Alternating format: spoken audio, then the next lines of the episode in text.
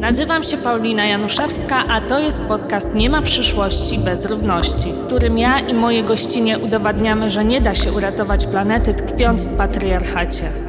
Rzadko zdarza mi się cytować mężczyzn przywiązanych do toksycznej męskości w tym podcaście, ale dzisiaj zrobię wyjątek. Witam Was w kolejnym odcinku podcastu Nie ma przyszłości bez równości, w którym jednak nie będę mówić o facetach, ale o naszych braciach starszych, czyli zwierzętach. Ale najpierw cytat. Byłem normalnym chłopcem. Rzucałem kamieniami przejeżdżające pociągi i dręczyłem zwierzęta. Tamtych czasach chłopcy dręczyli zwierzęta. Nie z okrucieństwa, ale z ciekawości świata. Żeby patrzeć w gasnące oczy i dotykać gasnącej krwi. Tak robili chłopcy ciekawi świata. Chłopcy w tamtych czasach, a ja potrzebowałem i krwi, i opowieści. Pewnie już gdzieś słyszałyście te słowa, y, ale niewtajemniczonym wyjaśnię, że to fragment mowy mistrzowskiej wygłoszonej przez Andrzeja Stasiuka na festiwalu Konrada w Krakowie. E, tekst tej e, mowy e, został opublikowany również w Tygodniku Powszechnym i właśnie tym fragmentem zajawiony w social media. Nic dziwnego, że właśnie ten fragment tylko był komentowany w sieci i wywołał ogromne publiczne i moim zdaniem słuszne oburzenie, że dręczenie zwierząt bynajmniej nie jest oznaką normalności. E, czy ciekawości świata. E, niektórzy twierdzą, że to oznaka raczej psychopatii, ale ja nie jestem psychiatrką, żeby tę tezę potwierdzać. Pisarz z kolei obruszył się, że jego słowa nie tylko wyrwano z kontekstu, ale także jakby nie zrozumiano ich literackiego i metaforycznego przesłania, e, bo przecież pisze on o ciekawości świata, zwłaszcza tej chłopięcej, a więc pewnie takiej, do której dziewczyny nie mają dostępu, ale przemoc już jest w nią wpisana. Myślę, że to clue całej burzy, która rozpętała się z całą mocą sieci która niestety poszła również w stronę oceny literackiej wartości utworu Stasiuka, ale ja się nie będę tym zajmować. Nie będę też zajmować się y, dociekaniem te, do tego, e, co pisarz miał na myśli, e, choć jednocześnie zdumiewa mnie fakt, że z publicznej krytyki nic sobie e, on nie robi, a w wywiadach opowiada, że lubi wkurwiać wszystkich, tych zlewa i tych sprawa i dlatego żadnej refleksji o tym, czy normalizowanie przemocy wobec zwierząt e, z jego strony nie uświadczymy. A wydaje mi się, że właśnie ta kwestia e, tak bardzo poruszyła osoby zwracające uwagę na to, że eksponowanie podobnych wypowiedzi w przestrzeni publicznej nie jest w porządku. E, myślę, że ta dyskusja też e, pokazuje, że niektórzy nie dostrzegają zmian zachodzących w świecie, a rzeczywiście prawa zwierząt są taką kwestią, która pewnym sensie zyskuje na e, rozgłosie, e, na, na ważności. Wciąż jednak nie tak mocno, bo wciąż jest wiele osób, e, które niestety wykazują się szowinizmem gatunkowym. Szowinizmem gatunkowym, który etolog Mark Bekow nazywa w zasadzie lenistwem umysłowym. Jest to Zjawisko, które wciąż ma się świetnie, pozostaje problemem co najmniej mało widocznym, jeśli nie w zasadzie przezroczystą oczywistością. Niektórzy twierdzą nawet, że e, zabijanie zwierząt było tradycją e, człowieczeństwa od zawsze, e, w związku z czym nie ma sensu na nią prowadzić żadnych tutaj przeprowadzać zamachów. No właśnie, to pytanie jest y, bardzo istotne w dzisiejszym kontekście, e, kiedy zaczynamy myśleć o tym, czy e, zwierzęta e, faktycznie należy traktować podmiotowo i czy e, zabijanie ich dla naszej przyjemności, czy dla pożywienia e, jest w porządku. Na pewno mamy tutaj wiele e, przeciwwskazań związanych z tym, jak nasze żywienie, czy nasze rozrywki typu polowania, cyrki i tak jaki mają wpływ na w ogóle na stan przyrody czy klimatu i to są bardzo istotne kwestie. To też jest kwestia samego żywienia, które powstaje w fatalnych warunkach i e, okazuje się, że weganizm jest tą drogą, która jest dobra po prostu dla naszego zdrowia. E, niedawno też miałam mm, e, okazję zobaczyć w warszawskim Teatrze Studio spektakl Wyspa Jadłonomia, który jest oparty na twórczości propagatorki diety roślinnej Marty Dymek, która pokazuje właśnie, że weganizm to droga dobra dla nas wszystkich. Ale o ile bardzo szanuję i polecam twórczość Marty Dymek, e, to już e, zauważam, że często brakowało tam takiego podkreślenia etyczności, etyki e, w tym, co robimy, jakie mamy relacje ze zwierzętami. Rzeczywiście ten argument nie pojawiał się zbyt często e, i wydaje mi się, że powinien być e, podejmowany w szerszej debacie publicznej. I rzeczywiście coś takiego e, robi reżyser spektaklu Wyspa Jadłonomia. Mianowicie pokazuje to w bardzo poruszającej scenie, scenie ze zwierzęciem, które spotyka główna kilkunastoletnia bohaterka Mała M. I podczas tego spotkania, e, które odbywa się na cmentarzu zwierząt e, zabitych e, właśnie na mięso, zwierzę, które cudem uniknęło tego zabójstwa, opowiada małej M, w jaki sposób funkcjonuje sektor hodowlany i dlaczego jako konsumenci uwierzyliśmy w fałszywe historyjki o łososiach czy kurach, cieszących się z tego, że je zjadamy. E, to jedna z najbardziej poruszających rzeczy, jakie w zasadzie chyba kiedykolwiek widziałam, muszę przyznać. E, bardzo Wam polecam ten spektakl, bo na tej scenie rzeczywiście łzy płynęły mi ciurkiem po twarzy dobre kilka minut, a e, to się naprawdę nieczęsto zdarza na spektaklach czy, czy w kinie. Więc myślę, że to, to bardzo ciekawa sztuka, ale też taka, która daje pewien optymizm i nadzieję. I um, opowiadam o tym dlatego, że po spektaklu, mimo tego, że widziałam, jak wiele osób e, wokół mnie również czuła się nim bardzo poruszona, e, brawa były naprawdę gromkie, e, niewymuszone, to mimo to usłyszałam po spektaklu opinię, że ten spektakl to nie teatr, to polityka. Bardzo taka pełna oburzenia była to opinia. I ona mi się skojarzyła z tym, co bardzo często słyszę, kiedy rozmawiam z kimkolwiek o weganizmie, że to jest e, kwestia polityczna, lewacka, e, reprezentująca jakąś groźną ideologię, że polega na zaglądaniu komuś do talerza, a to przecież zbrodnia i ingerencja w prywatne życie. No cóż, oczywiście niejedzenie mięsa może być manifestem politycznym i e, w przypadku młodych Polek rezygnujących z jedzenia zwierząt, jak przekonuje Przemysław Sadura, prowadzący badania na ten temat e, i opublikowane w raporcie e, Atlas Mięsa, rzeczywiście często tak jest, że młode Polki traktują swoją dietę, ochronę praw zwierząt jak, jako pole walki politycznej, tak samo jak traktują własne ciało jako pole walki politycznej, między innymi ubiegając się o po prostu z, ochronę swoich praw reprodukcyjnych.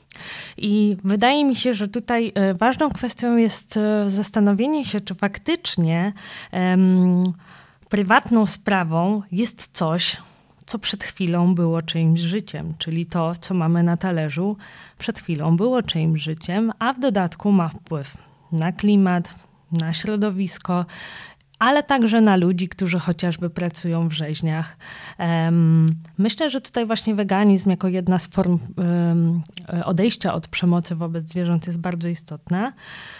E, ale e, mimo wszystko wciąż jako ludzkość nie mamy mm, łatwości w uznaniu, że zabijanie zwierząt, ale także ich dręczenie, chociażby w cyrkach czy w innych miejscach rozrywki, e, to coś normalnego. To nie jest normalne. Zdecydowanie to nie jest normalne. Dlatego mm, moje pytanie, y, które sobie stawiam i które postawię mojej gościni, y, zasada się na refleksji, czy dalej powinniśmy się zgadzać na życie w rzeczywistości, w której, jak powiedział mi reżyser Wyspy Jadłonomii, Maciej Podstawny, e, obły dyskurs polityczny spycha postulat ochrony praw zwierząt we wstydliwe miejsca. E, dalej reżyser mówi mi, że można wprawdzie pokrzyczeć sobie na manifestacji, że czas zamknąć fermy futerkowe, ale już na przykład w szkole trzeba za, zapytać rodziców, i to najlepiej grzecznie, czy wyrażają oni zgodę na uczenie dzieci tego, jak powstaje mięso i że zwierzę trzeba najpierw zabić, żeby je zjeść. Myślę, że to są ważne pytania mm, na dzisiaj, e, ale często w takiej sytuacji, kiedy nazywamy po imieniu to, co się dzieje w sektorze hodowlanym, zdaje się słyszeć takie głosy, że nie musimy unikać wzbudzania e, poczucia winy w ludziach, bo przecież radykalnie nie, nie nakłonimy nikogo do do weganizmu. Czy na pewno? A może potrzebujemy różnych strategii? Może potrzebujemy tego, żeby wiedzieć, co robi sektor hodowlany? Może potrzebujemy wiedzieć, e, że nic się nie zmieni, dopóki sami nie zrobimy, że dopóki sami nie zrozumiemy, że musimy wywierać naciski e, i mm, żeby też zrozumieć, że krzywdzenie pozaludzkich istot to zbrodnia taka sama jak każda inna ale e, te wszystkie pytania, o których mówię, nie odbędą się do, bez użycia konkretnych i skutecznych narzędzi. O to, jakich użyć, jakich narzędzi potrzebujemy do zmian w tej kwestii i czy postawy takie, e, jakie prezentuje publicznie Andrzej Stasiuk, powinny być potępiane, a także o to, jaką rolę odgrywa w tym wszystkim język, spytam profesorę Joannę Handerek, E, autorkę e, świetnej książki e, na temat naszych relacji ze zwierzętami i naturą. Jest to filozofia wegańska. Bardzo Wam polecam tę pozycję. Joanna Heinderek jest filozofką specjalizującą się w filozofii kultury. Pracuje na Uniwersytecie Jagiellońskim, a przede wszystkim jest weganką.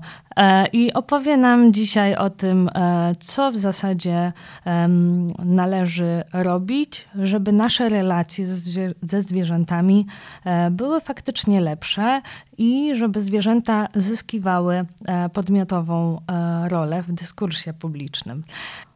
Profesora Janna Handelek jest dzisiaj z nami, bardzo się z tego cieszę. Dzień dobry, dziękuję za przyjęcie zaproszenia.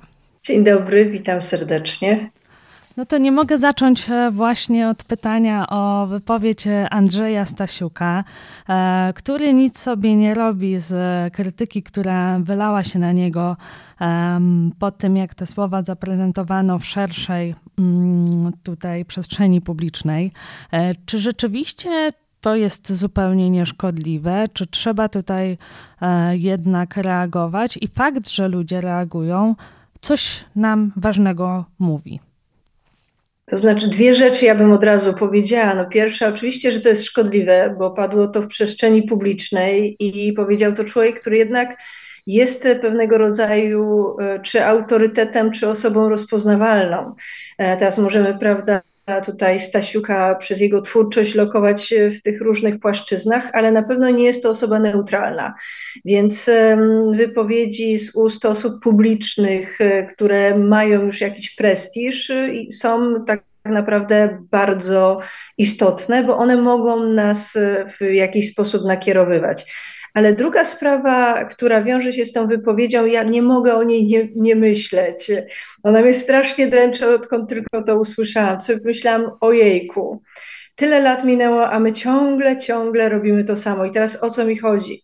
Jak wrócimy do lat 70. XX wieku, to tam znajdziemy bardzo dużo projektów równościowych. Między innymi o tym pisała Natasza Walter. Między innymi to pokazują badania Iris Marion Young, które wskazują na to, że e, jesteśmy takimi ludźmi, którzy są splotem oczywiście i biologii, ale też kultury, czyli jesteśmy takimi ludźmi, jakim, jak, jacy będziemy wychowani.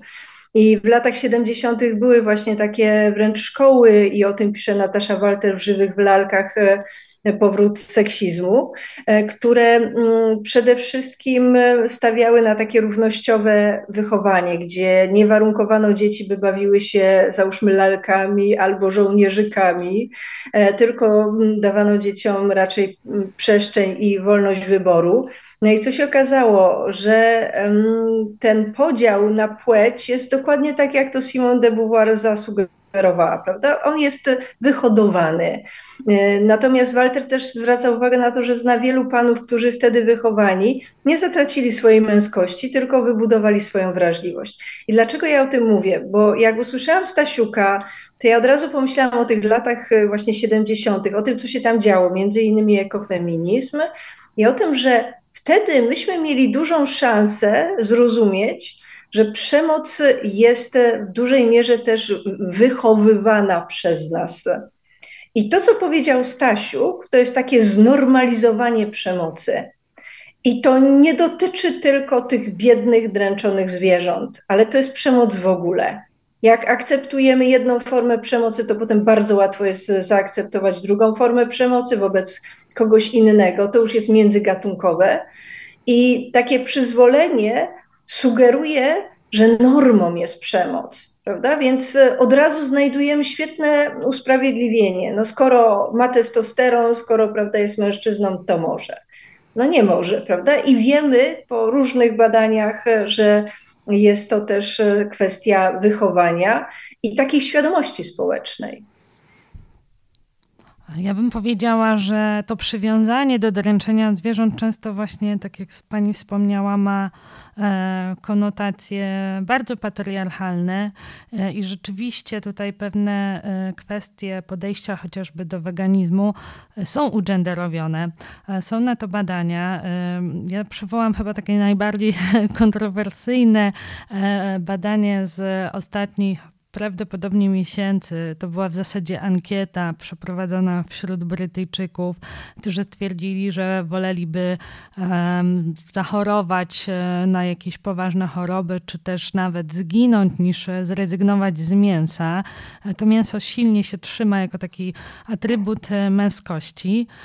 I pytanie, czy w jakiś sposób um, możemy odzyskać tę wrażliwość i troskę, która jednak e, jest kojarzona z kobiecością, jako jakość ponad e, płciami. E, czy mhm. widzi tu Pani jakieś takie możliwości, albo czy to się w jakiś sposób już dzieje? Znaczy, cały proces już się dzieje, prawda? Znowu wracamy do lat 70., choćby do 1974, gdzie została wydana jedna z pierwszych takich książek, e, które po dziś dzień e, są ikoną ekofeminizmów, feminizm e, lub śmierć Françoise de Bon. Natomiast myślę, że to bardzo dobrze umie Carol Adams w swojej prawda, seksualnej polityce mięsa bo ona zwraca uwagę na e, właśnie mm, tą z jednej strony, jak już wspomniałyśmy, e, jedną płaszczyznę przemocy i jedno źródło, które dotyczy tak naprawdę wszystkich, e, którzy zostaną potraktowani jako uprzedmiotowieni. Ale to, co robi Carol Adams, to szalenie ważne uświadomienie nam, że na przykład myśmy w pewnym momencie przez takie zdeprecjonowanie, zestygmatyzowanie kobiety, zdeprecjonowali również cechy, które zostały kobiecie przypisane. Czyli tak, kobieta się wpycha w macierzyństwo, ale równocześnie nie traktuje się tego macierzyństwa poważnie, prawda? Kobieta wychowująca dziecko, zostająca w domu, ona nie pracuje. Ona coś tam siedzi z tym dzieckiem. Nie? E, I to już jest taka pierwsza deprecjacja. Profesora brzmi niepoważnie. Profesor, tak. Znowuż, prawda, takie podejście infantylizujące kobietę, czyli feminatywy infantylizują, niedobrze brzmią. I ten proces właśnie takiego deprecjonowania dotyczy też wrażliwości, emocji.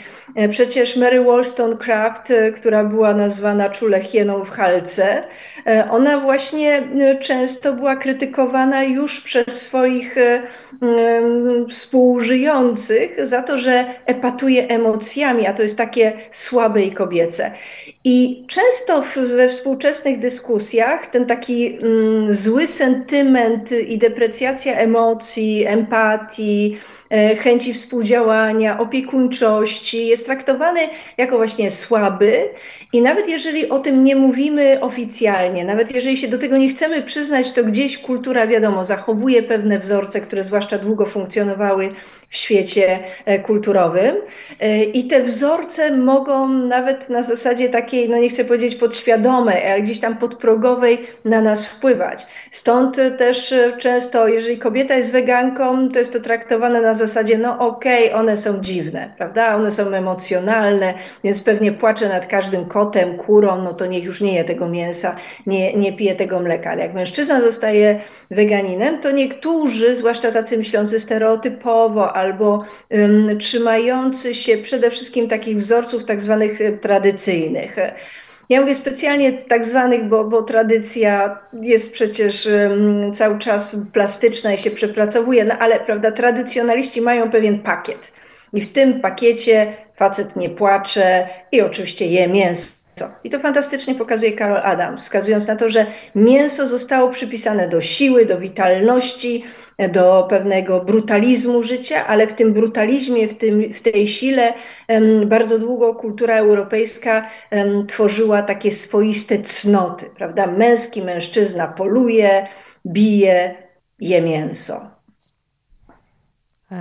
Carl J. Adams też mówi o pornografizacji e, mięsa. Mm, to znaczy, że jest ono nam pokazywane e, jako coś atrakcyjnego i, i to też wykorzystuje oczywiście tutaj reklama e, mięsa, czy też nabiału. Wręcz często zwierzęta są stylizowane na postaci kobiety, kuszą, flirtują z potencjalnym konsumentem, na co rzeczywiście być może nie, nie zwracamy uwagi w takiej codzienności, ale co, jak się okazało, e, rzeczywiście za, zaczęto dostrzegać po publikacji e, książki Carol J. Adams i w, w zasadzie jej kolejna e, publikacja to zbiór e, tych wszystkich reklam, e, obrazów, e, filmów, plakatów, które pokazują ten proces pornografizacji mięsa. ale też wydaje mi się, że to, co lobby mięsnemu czy mleczarskiemu udaje się świetnie, e, to operowanie językiem, e, nie tylko obrazem. I to, co mnie bardzo poruszyło, kiedy miałyśmy okazję spotkać się na Bezpiecznym Forum Żywności w tym roku, to fakt, że właśnie na te eufemistyczne nazwy zwróciła Pani uwagę w swojej bardzo poruszającej przemowie i dała jej tak taki E, przeciwstawny, też bardzo poruszający, e, poruszający sformułowanie, mianowicie, że zwierzęta to nasi bracia starsi. E, bardzo mi to zapadło w pamięć i uważam, że, że to sformułowanie jest bardzo piękne, ale dlaczego język ma aż tak silną moc i w jaki sposób, być może na konkretnych przykładach, mogłaby Pani pokazać to, jak sektor hodowlany i ci, którzy go reklamują, manipulują tym, jak mówimy e, o zabitych zwierzętach. To, że język ma moc, to filozofowie nas przekonywali już od dawna. E, badania w XX wieku, choćby Sapira i Wolfa, pokazują, prawda, że e, język kształtuje tak naprawdę naszą świadomość. Natomiast jak uświadomimy sobie jedną rzecz, dużo konsumentów, zwłaszcza dzieci, dostaje filet, E, to może nie wiedzieć, czym jest tak naprawdę filet. E, czyli w filecie zostaje niejako zaszyfrowany fakt pochodzenia tego produktu. E, jeszcze mm, ta cała obudowa, czyli zafoliowany jest to jakiś kawałek czegoś, filetu, prawda? Jest to e, podane i sprzedawane w takim e, całym backgroundzie różnych treści, które nam nie pokazują ani rzeźni, ani hodowli wielkopołaciowej z jej okrutnymi realiami. E, to język jest tu jednym z elementów, ale bardzo ważnych, prawda? Bo to jest coś, co buduje nam tak naprawdę alternatywną rzeczywistość. Natomiast e, e, ja bym e, jeszcze głębiej postarała się spojrzeć, bo już pojęcie człowiek i pojęcie zwierzę jest stygmatyzujące. One nie są neutralne. I czasami podchodzimy do języka jako do czegoś, co jest neutralne, ale jak się przyjrzymy na przykład tradycji, tego, w jaki sposób w historii pewne pojęcia pracowały, możemy zobaczyć, że dzisiaj coś, co traktujemy jako zwyczajne pojęcie, jest bardzo mocno obciążone różnego rodzaju konotacjami. Więc y, człowiek y, to brzmi dumnie, człowiek to ta trzcina myśląca targana na wietrze. Mamy tutaj bardzo dużo takich idei, które uszlachetniają człowieka, natomiast zwierzę to tępe bydle. I y, zwierzę to jest jakaś istota, która nie jest człowiekiem. Więc powiedzenie, że człowiek jest zwierzęciem i mamy do czynienia tak naprawdę z, ze zwierzęciem ludzkim i zwierzęciem pozaludzkim, u niektórych osób po dziś dzień budzi ogromne zdziwienie, o czym my mówimy. Natomiast my mówimy o pewnych faktach biologicznych. Ale teraz dlaczego te fakty biologiczne nas dziwią czy bulwersują? No właśnie przez tradycje i użycie historyczne niektórych pojęć. Dlatego z jednej strony to są takie próby mówienia na przykład o zwierzętach jako o braciach starszych. Starszych, no bo my jesteśmy młodym gatunkiem. Mówienie znowuż bracia mniejsi to jest zafałszowanie i biologicznej rzeczywistości i też taka infantylizacja, która sugeruje, że zwierzątko, no to takie dzieciątko, prawda, no to ewentualnie możemy się nim opiekować. Nie daje mu pełnej podmiotowości, nie budzi pełnego szacunku. E, a z drugiej strony ten, te, to pojęcie braterstwa jest tutaj istotne, czy siostrzeństwa, prawda? Bo tak naprawdę mamy do czynienia i z braćmi starszymi, siostrami starszymi, e, bo to jest też powinowactwo. I my musimy sobie zdać sprawę, tu znowuż e, popatrzmy na, na literaturę bogatą, choćby prawda, etyczną czy ekologiczną. No, weźmy Lynn Margulis i Jamesa Lovelocka, którzy w swojej hipotezie matki Gai e, nam uświadamiali jedno, że my wszyscy uczestniczymy w świecie na zasadzie takiej relacji sieciowej, prawda? Czyli te relacje międzygatunkowe, ich wzajemne powiązanie tworzą ekosystemy. To z kolei, prawda, daje nam biosferę, więc teraz nasze działanie w stosunku do innych istot żyjących nie jest neutralne, bo to, czy ja będę miała stosunek podmiotowy czy przedmiotowy do zwierzęcia, będzie przekładało się tak naprawdę na cały świat. Więc tutaj z jednej strony mówimy o pewnej wrażliwości, którą język może przytępić albo wręcz prawda, przesterować tylko do relacji człowiek-człowiek. I to jest bardzo niebezpieczne, bo wtedy wchodzimy w taki gatunkowizm, który wyklucza całkowicie inne istoty żyjące. E, a z drugiej strony, gdy język nam przytępi tą wrażliwość na świat e, zwierzęcy, pozaludzki i nie pozwoli nam e, zobaczyć tego powinowactwa, tego braterstwa i siostrzeństwa, to bardzo łatwo jest dokonać czegoś, co już dokonaliśmy niestety, czyli tego zaburzenia e, przez relacje międzygatunkowe e, ekosystemów i, i mm, tak naprawdę odbezpieczyliśmy kryzys klimatyczny, bo zaczyna się od mało, powiedziałabym, dostrzegalnych i traktowanych jako niewinnie pewnych sformułowań, a czasami kończy się na poważnych problemach. Stąd waga języka i stąd świadomość językowa, która powinna być wypracowywana tak naprawdę już w podstawówce na lekcjach etyki. Oby kiedyś. Bardzo chciałabym, żeby tak się e, wydarzyło, ale to, co powiedział mi e, reżyser Wyspy Jadłonomii i ten cytat wspominam na początku e, odcinka tego podcastu, Y, mówi, że y, o ile protestowanie przeciwko działaniu sektora hodowlanego jest w porządku, to już powiedzenie dzieciom w szkole na przykład albo w jakiejś instytucji publicznej, e, że żeby zjeść zwierzę, to trzeba je najpierw zabić, bywa kontrowersyjne, ale na pewno trzeba zapytać o to rodzica.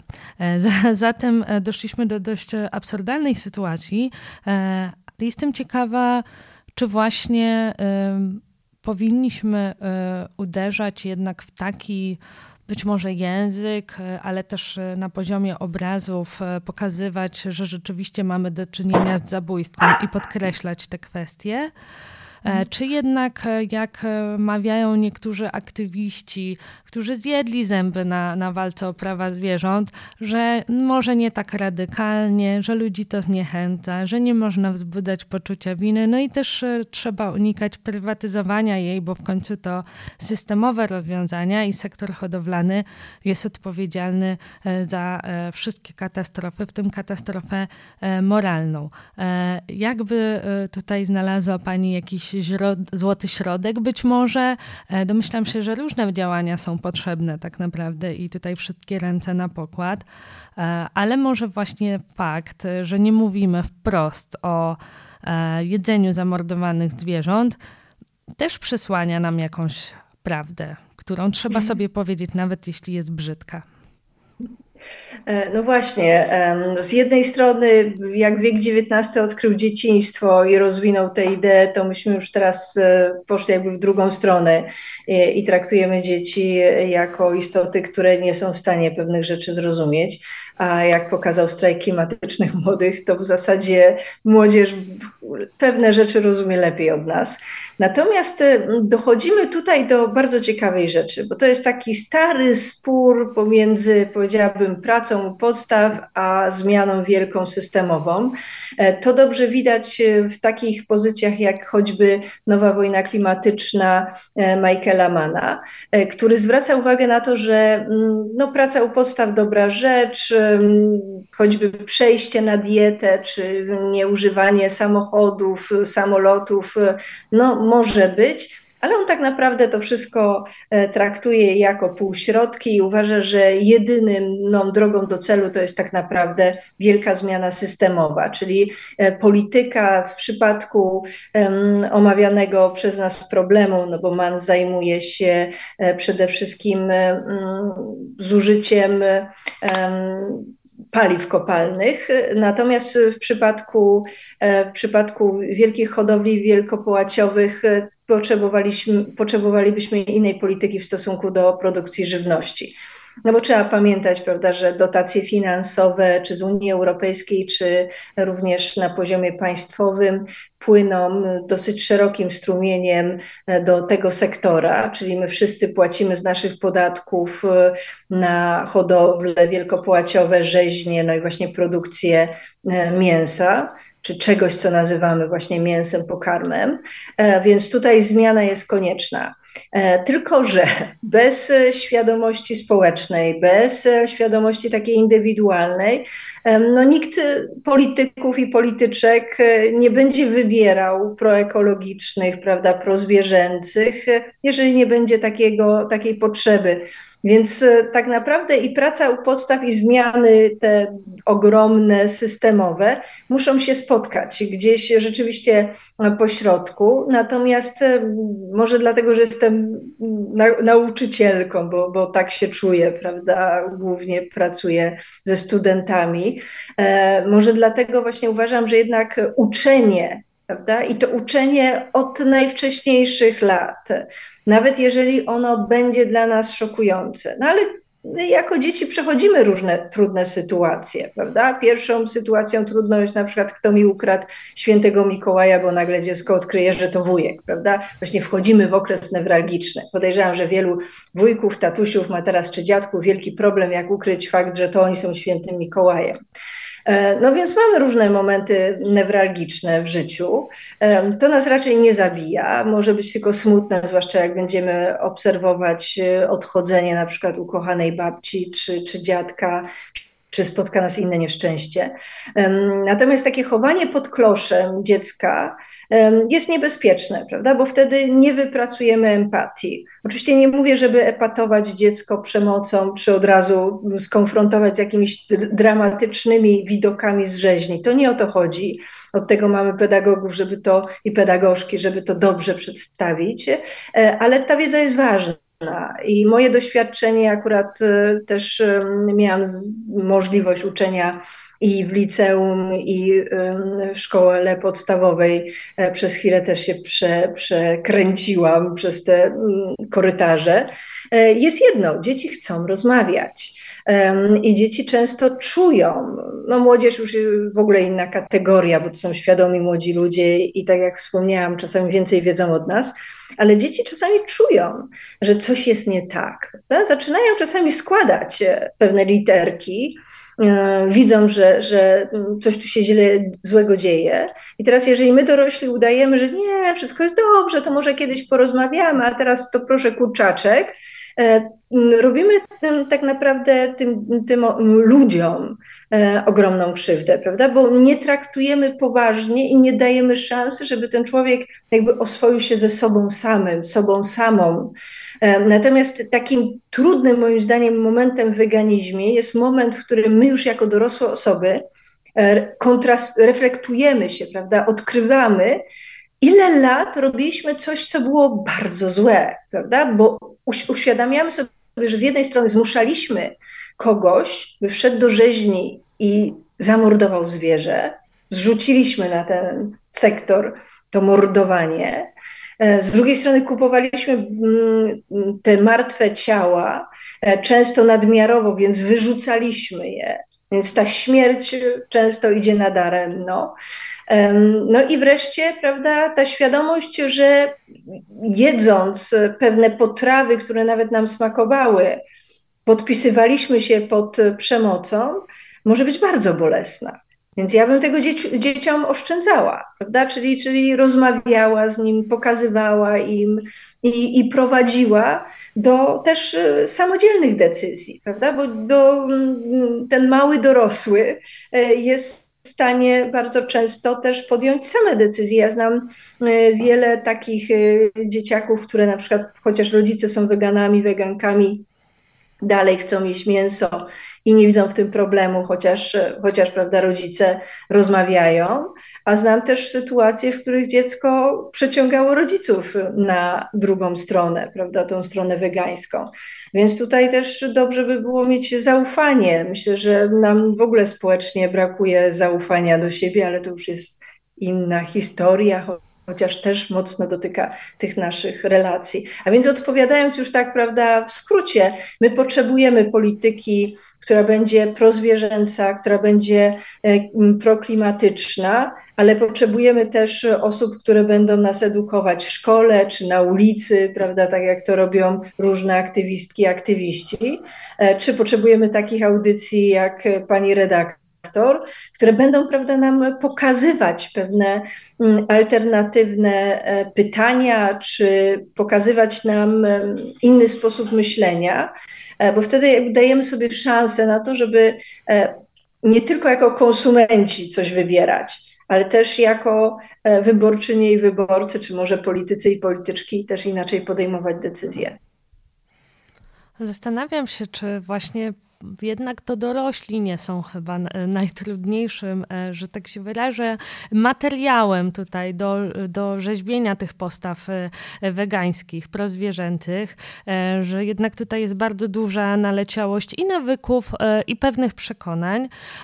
Zastanawiam się, na ile też pewne mity związane z konsumpcją mięsa osadzone w kulturze funkcjonują w taki sposób, że trudno je dzisiaj rozmawiać Mam na myśli chociażby ten dotyczący odwiecznego e, takiego modelu e, człowieka jako tego polującego na zwierzynę. E, czy, czy mamy tutaj jeszcze takie niebezpieczne tropy, które wciąż trzymają się mocno, a o których warto wspomnieć, że są po prostu nieprawdziwe? to jest też cała struktura, powiedziałabym, mitu. I to takiego mitu, jak Roland Barthes pisał, prawda, który będzie pewnymi znakami, tropami budującymi naszą rzeczywistość. Mięso zostało bardzo mocno zmitologizowane, bo po pierwsze pamiętajmy, że mięso było rzadkim produktem, było bardzo elitarnym produktem.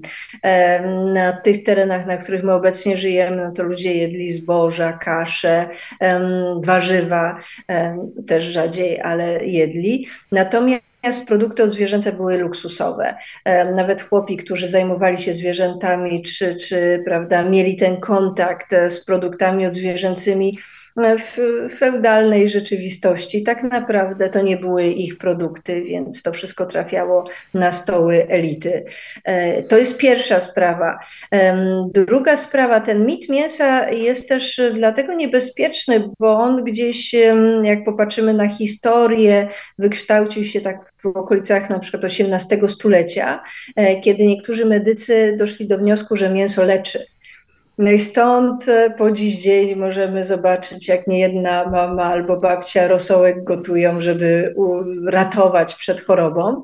E, I jakbyśmy zrobili mały eksperyment i zrobili sobie dokładnie tą samą zupę, tylko bez tej mięsnej wkładki, ale z tymi samymi warzywami, z tymi samymi przyprawami, to by się okazało, że to też działa. Ale dlaczego?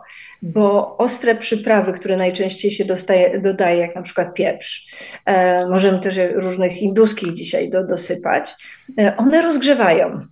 I tyle z tej całej magii, prawda? Czyli to nie mięso nas leczy, nawet ta zupa nas nie leczy, nawet w wersji wegańskiej, tylko nas rozgrzewa, co jest e, no, w jakimś sensie ulgą, gdy człowiek e, jest przeziębiony. E, ale to nie ma nic wspólnego z jakąkolwiek terapią. To jest działanie na psychikę. Plus oczywiście ten sentyment, to Jonathan Foer bardzo ładnie pisał, no jak tutaj pewnych rzeczy nie zjeść, jak pamiętamy, że to ta kochana babcia, że to ta kochana mama nam dawała i teraz jak jesteśmy na przykład chorzy albo jest nam smutno, źle, a rzeczywistość bywa nieprzyjemna, to wtedy aż się chce, prawda, takiego powrotu do dzieciństwa, więc to mleczko dolane, załóżmy do herbatki, albo ten właśnie kurczaczek, albo ten rosołek i to od razu te zdrobnienia i człowiek jest taki malusi i taki biedny i pogłaszczcie mnie po główce.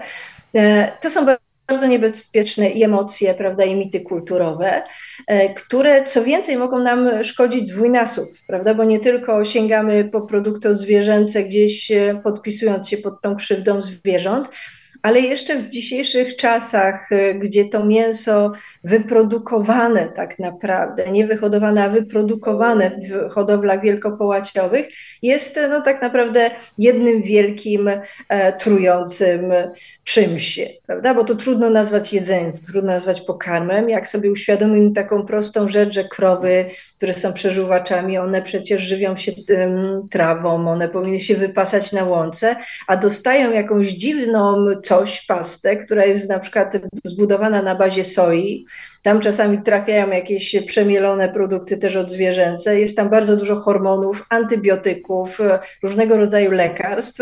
No to krowa to przyswaja, to jest w jej organizmie, a potem ktoś, kto je mięso, zjada to mięso i jest przekonany, że dostarcza sobie wartości odżywczych. No jakich? No pewnych związków chemicznych z listy Mendelejewa tak, ale Pytanie, czy, czy to jest zdrowe? No nie bardzo, co pokazują też badania i statystyki, bo w większości wypadków wegetarianie zwiększają sobie przynajmniej przepraszam, weganie zwiększają sobie przynajmniej o 30% szanse na niezachorowanie na przykład na nowotworów układu pokarmowego. Dlaczego? No bo nasz układ pokarmowy nie jest też układem pokarmowym typowym mięso jedzące istoty, e, bo istoty, które jedzą mięso, które są do tego przystosowane, mają dużo, dużo krótszy układ pokarmowy. E, my mamy za długi, w związku z tym różnego rodzaju powikłania, e, kłopoty mogą się pojawić przy dzisiejszym właśnie tym takim toksycznym mięsie wręcz może to odbić się nawet tak nowotworowo na naszym życiu. I takich, prawda, mitów dotyczących zdrowego mięsa czy produktów odzwierzęcych jest bardzo dużo. To samo jest z mlekiem, które przecież nie jest przystosowane dla człowieka dorosłego. I to, że myśmy w kulturze europejskiej nauczyli się pić mleko w życiu dorosłym, spowodowało, że wymutowały gdzieś takie w naszym organizmie enzymy pozwalające na rozkładanie laktozy, ale widać to po wielu dorosłych osobach, które cierpią jednak z powodu spożycia laktozy, że to nie jest dla nas i to nie jest produkt oryginalny dla człowieka. Natomiast w wielu kulturach, no weźmy Japończyków, Chińczyków, Koreańczyków, gdzie tego mleka się nie pije, ci ludzie jakoś nie cierpią na osteoporozę. Wedle mitu, prawda, że mleko jest dobre, bo daje nam wapń, e, no to w w zasadzie każdy Chińczyk czy Koreańczyk powinien w pewnym momencie być ciężko połamany, bo sobie tego mm, w tej postaci nie dostarcza. E, no jak popatrzymy na inne produkty, choćby roślinne, prawda, to może się okazać, że my ten wapń dostarczamy sobie z innych produktów. No weźmy choćby tofu, prawda, czy mm, bardzo ciekawe są brokuły. E, no więc te mity, one mm, działają negatywnie jakby na obie strony i tych, którzy sięgają po te produkty, bo to będzie odbijało się wcześniej czy później na ich zdrowiu, i tych um, istot, które tak naprawdę zostały potraktowane, uprzedmiotowane, to znowuż język, prawda, bo mówimy o krowie mlecznej, czy mówimy o kurzeniosce, czy broilerze. To są, prawda, nazwy, które człowiek nadał instrumentalizując te zwierzęta, no i teraz spychając je właśnie w taką sferę nie istnienia, tylko bycia zasobem. E, a często też e, takim mm, argumentem przeciwko e, osobom decydującym się na dietę roślinną jest to, że to jest w pewnym sensie e, jakaś narzucanie komuś e, i zaglądanie komuś do talerza e, często, jeżeli te osoby również zachęcają do pójścia w ich ślady. Mamy też takie, takie poczucie, że to jest groźna ideologia, to jest polityczne i tak dalej, i tak dalej. I moje pytanie brzmi, czy to źle, że to jest e, polityczne, bo biorąc pod uwagę też to, co pojawiło się we wstępie do naszej rozmowy, e, rzeczywiście mięso jest e, też manifestem politycznym. I pamiętam, że jakiś czas temu na takiej debacie organizowanej przez krytykę polityczną i Fundację Heinricha Bella rozmawiałam z polityczkami o tym, czy mięso może być jakimś takim elementem wojny kulturowej obecnie nawet, czy, na, czy pokoleniowej, czy politycznej również, e, ze względu na to, że przeciwstawiamy sobie sojową latę i e, tego polskiego schabowego. E, I rzeczywiście, jak patrzymy na badania e, młodych Polek i Polaków, e, to powody, dla których przechodzą na dietę roślinną, są rzeczywiście polityczne, że to też jest jakiś manifest. I Magdalena Biejat, posłanka Lewicy Razem, stwierdziła, że to bardzo źle, że, że mięso jest manifestem politycznym, a nie jest po prostu traktowane po jako pokarm, który nam szkodzi i z którym powinniśmy za jakiś czas zerwać. A co pani e, sądzi na ten temat? Czy to rzeczywiście zła postawa, czy fakt, że decydujemy się też na rezygnację z mięsa z powodów politycznych, e, że traktujemy swoją dietę jako pewne pole walki, e, to również jest e, coś istotnego i ważnego. E, co, co tutaj, jakie szanse i zagrożenia takich postaw tutaj pani widzi? Znaczy dwie rzeczy.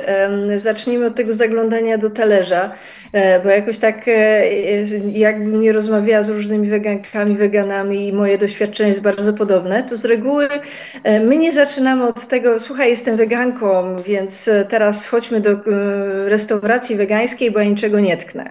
Tylko najwyżej człowiek grzecznie zamawia sobie herbatę i cieszy się towarzystwem. Tyle.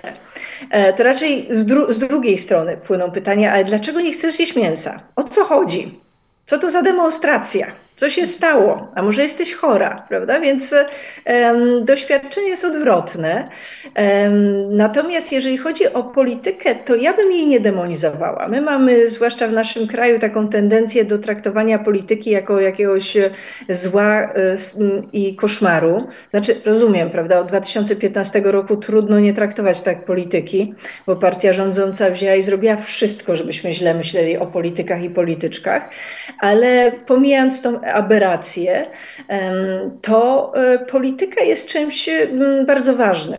I ja nie zapomnę, jak kiedyś Grażyna Staniszewska, e, która była jedną z dwóch kobiet, e, które przemawiały na plenarnych obradach Okrągłego Stołu, która była całe lata, lata polityczką i europarlamentarzystką, powiedziała, że my potrzebujemy obrad parlamentarnych, potrzebujemy polityki, żeby nie załatwiać pewnych spraw na ulicy. Bo jak ludzie wyjdą już na ulicę, to jest za późno. I myślę, że tutaj Staniszewska po prostu w punkt trafiła bardzo ważną kwestię.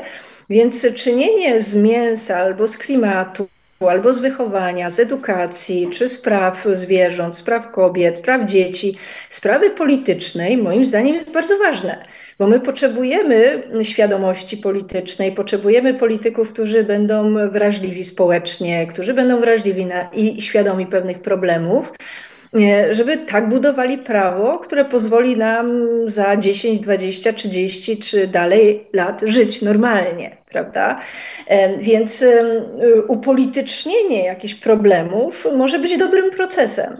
No bo dzięki temu możemy zbudować prawo. Poza tym pamiętajmy, że e, wszyscy, niezależnie od tego, czy jesteśmy zaangażowani politycznie, czy nie, możemy zawsze, prawda, e, monitorować, spotykać się, czy pisać petycje do naszych polityków politycznego, po to i wybraliśmy, prawda, żeby oni nas reprezentowali.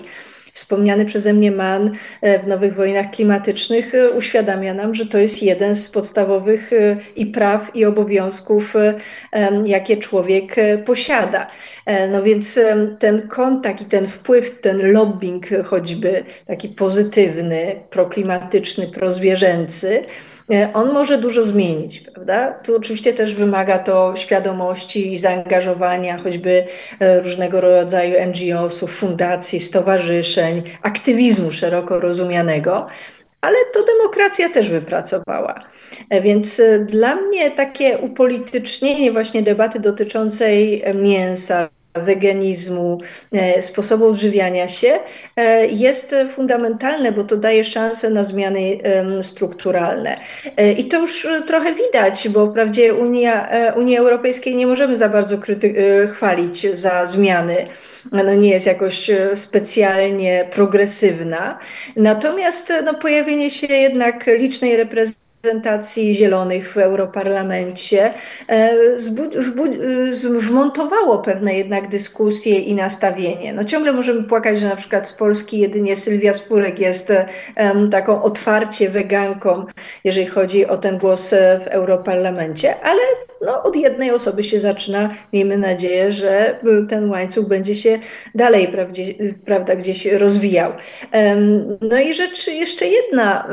Wydaje mi się, że wszystko jest polityczne w jakimś sensie, prawda? Czyli mm, to nawet nie jest to, że my możemy unikać czy nie, tylko żyjąc w systemie współczesnym, e, nawet takiej trochę skorodowanej demokracji, prawda? No bo Polska jest skorodowaną demokracją przez różne działania e, obecnie rządzących, e, to my ciągle jednak mamy mm, z jednej strony narzędzie wpływania na polityków, polityczki, no choćby przy urnach, prawda, czy przy różnego rodzaju obywatelskim sprzeciwie, kontakcie z politykami, polityczkami, ale e, tak naprawdę wszystko w tym sensie jest polityczne, że teraz e, w zależności od tego, jakie będziemy mieć właśnie te rozstrzygnięcia ustrojowe, takie będziemy mieć też relacje potem społeczne. No i chyba jedna rzecz, jaka się udała jako pomysł, bo nie została zrealizowana,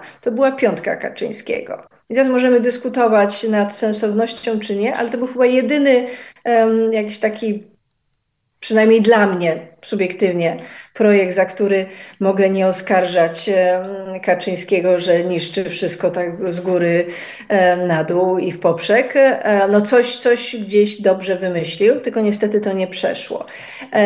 I nawet przy pewnych ograniczeniach tej piątki i nawet przy pewnych problematycznych kwestiach, które tam się wiązały, to fakt, że to się pojawiło w parlamencie, e, już jest ważne, prawda? Bo e, weszło do debaty nie tylko politycznej, bo automatycznie zaczęli różni ludzie dyskutować i związani z branżą tak zwaną mięsną, czy prawda, konsumenci, konsumentki. Mm, więc e, w drugą stronę to też może bardzo dobrze działać i nawet no, miejmy nadzieję, że w następnym parlamencie będziemy mieć nie tylko piątkę dla zwierząt, ale i inne dobre pomysły. E, natomiast już teraz pewne hasło i pewna debata się odbyła, mm, co może mieć pozytywne skutki. O.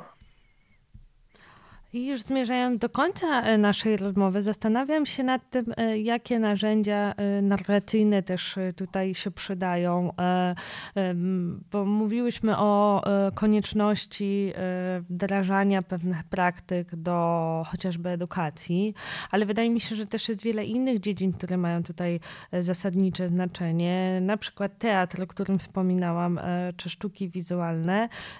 Co jest w nich takim kluczowym narzędziem, które, które powinno się znaleźć? Czy chodzi tylko o być może jakieś uwidocznienie tego łańcucha zerwanego przez e, sektor hodowlany, czyli pokazanie, co się dzieje między zagrodą a e, talerzem, a w zasadzie pomiędzy e, jakąś halą, w której ściśnięta jest masa zwierząt, a talerzem? Czy, czy może tutaj jeszcze są jakieś inne sprawdzone metody, ciekawe jakieś przykłady, które, które być może z kultury pani kojarzy? Jak, jakie narracje do nas przemawiają, jakie chwyty stosują twórcy, artyści, by jednak przewrócić podmiotowość zwierzętom i też gdzieś pokazać, jakie z nimi powinniśmy mieć relacje, jakie, nad jakimi pracować. To ja bym powiedziała trochę paradoksalnie, że my nie doceniamy popkultury i nie wykorzystujemy popkultury.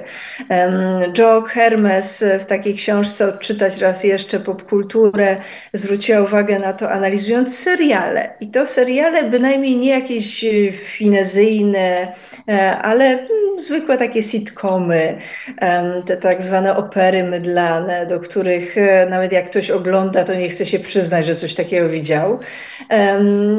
I ona analizując e, te, te filmy, na co zwróciła uwagę, że wystarczy, że pojawi się w takim serialu na przykład e, osoba, która reprezentuje jakąś grupę wykluczoną już prawda, ten barometr społecznych zmian zaczyna działać. Prawda? Wskazywała na przykład na, na ten serial Seks w Wielkim Mieście jako na taki serial, który w pewnym momencie niejako um, kazał nam przemyśleć raz jeszcze rewolucję um, lat lat 60., 70., kulturową, seksualną, pokazując już e, trochę jej skutki, a trochę właśnie zawieszenie być może tej rewolty.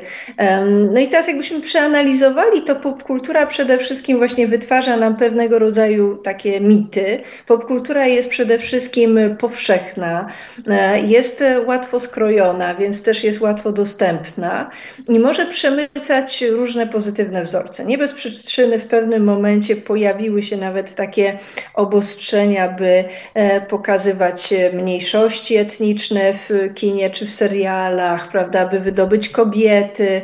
No pamiętamy tą całą akcję, w której w pewnym momencie feministki zaczęły liczyć, ile kobiety mają kwestii mówionych w filmach i ile jest bohaterek e, kobiecych, żeńskich w bajkach dla dzieci. No i ta dysproporcja i fakt, że w zasadzie dziewczynki nie mogą zobaczyć e, swoich odpowiedniczek na ekranach, a kobiety głównie milczą i mają wyglądać, e, uświadomia nam, jak bardzo kobiety, pomimo tego, że tyle fal feminizmu już się przelało przez nasze społeczeństwo, ciągle zdeprecjonowanych. I moim zdaniem to samo powinno być y, z klimatem czy z kwestią dobrostanu zwierząt. Niektóre produkcje to już uwzględniają. No, ten film e, Nie patrz do góry, bodajże taki był tytuł. On doskonale jakby pokazuje i ślepotę klimatyczną, i manipulację polityczną, i takie, e, taki egoizm, typowy egoizm człowieka. I był to film bardzo popularny, prawda? w pewnym momencie, jak się pojawił na platformie Netflixa, to tam bił e, rekordy popularności, co pokazuje, że takie treści mogą bardzo mocno na nas oddziaływać. Więc teatr jak najbardziej, mm, e, książki, powieści jak najbardziej, ale popkultura też. Ja tu mam wielki żal w sercu, bo niestety e, popkultura jest zaniedbana i co więcej jest bardzo mięsożerna. Jak przyjrzymy się, to większość, czy prawie wszystkie programy kulinarne są epatujące gotowaniem, duszeniem, smażeniem i przyprawianiem trupa. Prawda? I mamy specjalistów od trupów. E, którzy jeszcze są w takiej glorii i chwale. Miałam przez chwilę nadzieję, bo, bo Makłowicz w pewnym momencie mm, występował w kampanii społecznej otwartych klatek i tam upominał się o kury, że to coś zmieni, ale niestety nie zmieniło, prawda? I to jest, to jest ogromny e, naluka i to jest ogromne zaniedbanie. Natomiast gdyby to zmienić, prawda? Gdyby ci nawet topowi, tacy celebryci, kucharze i kucharki zaczęli e, gotować rzeczy wegańskie, to też ta rewolta, ta zmiana nastąpiłaby bardzo szybko, bo, bo tutaj wrócę do tej Joe Hermes, ona badając popkulturę zwróciła uwagę na to, że my czasami nawet nie znamy jakiegoś serialu, ale wszyscy będziemy wiedzieli, co znaczy moc, niech będzie z Tobą. No więc, e, prawda, to jest ta siła oddziaływania. E, więc wystarczy jeden pozytywny bohater, albo taki, który nas pochłonie, żeby był twardym weganinem, albo żeby była twardą weganką. To mamy wtedy ileś punktów procentowych więcej wegan i weganek. Twórcy seriali, to jest apel do Was. Twórzcie więcej postaci, e, które stosują dietę roślinną, choć na pewno tutaj musimy oddać Marcie Dymek, że ona trochę e, jest architektką wprowadzenia diety roślinnej do e, mainstreamu, może nie tak szerokiego, jakbyśmy chciały, ale, ale to też już jest krok w dobrą stronę. No i rzeczywiście Robert Makłowicz jako chyba jeden z najbardziej lubianych przez wszystkich Polaków. Myślę, że tutaj miałby dużo do zrobienia, albo może Magda Gessler, więc jeśli by nas słuchali, to, to też dołączamy się również do apelu w ich stronę.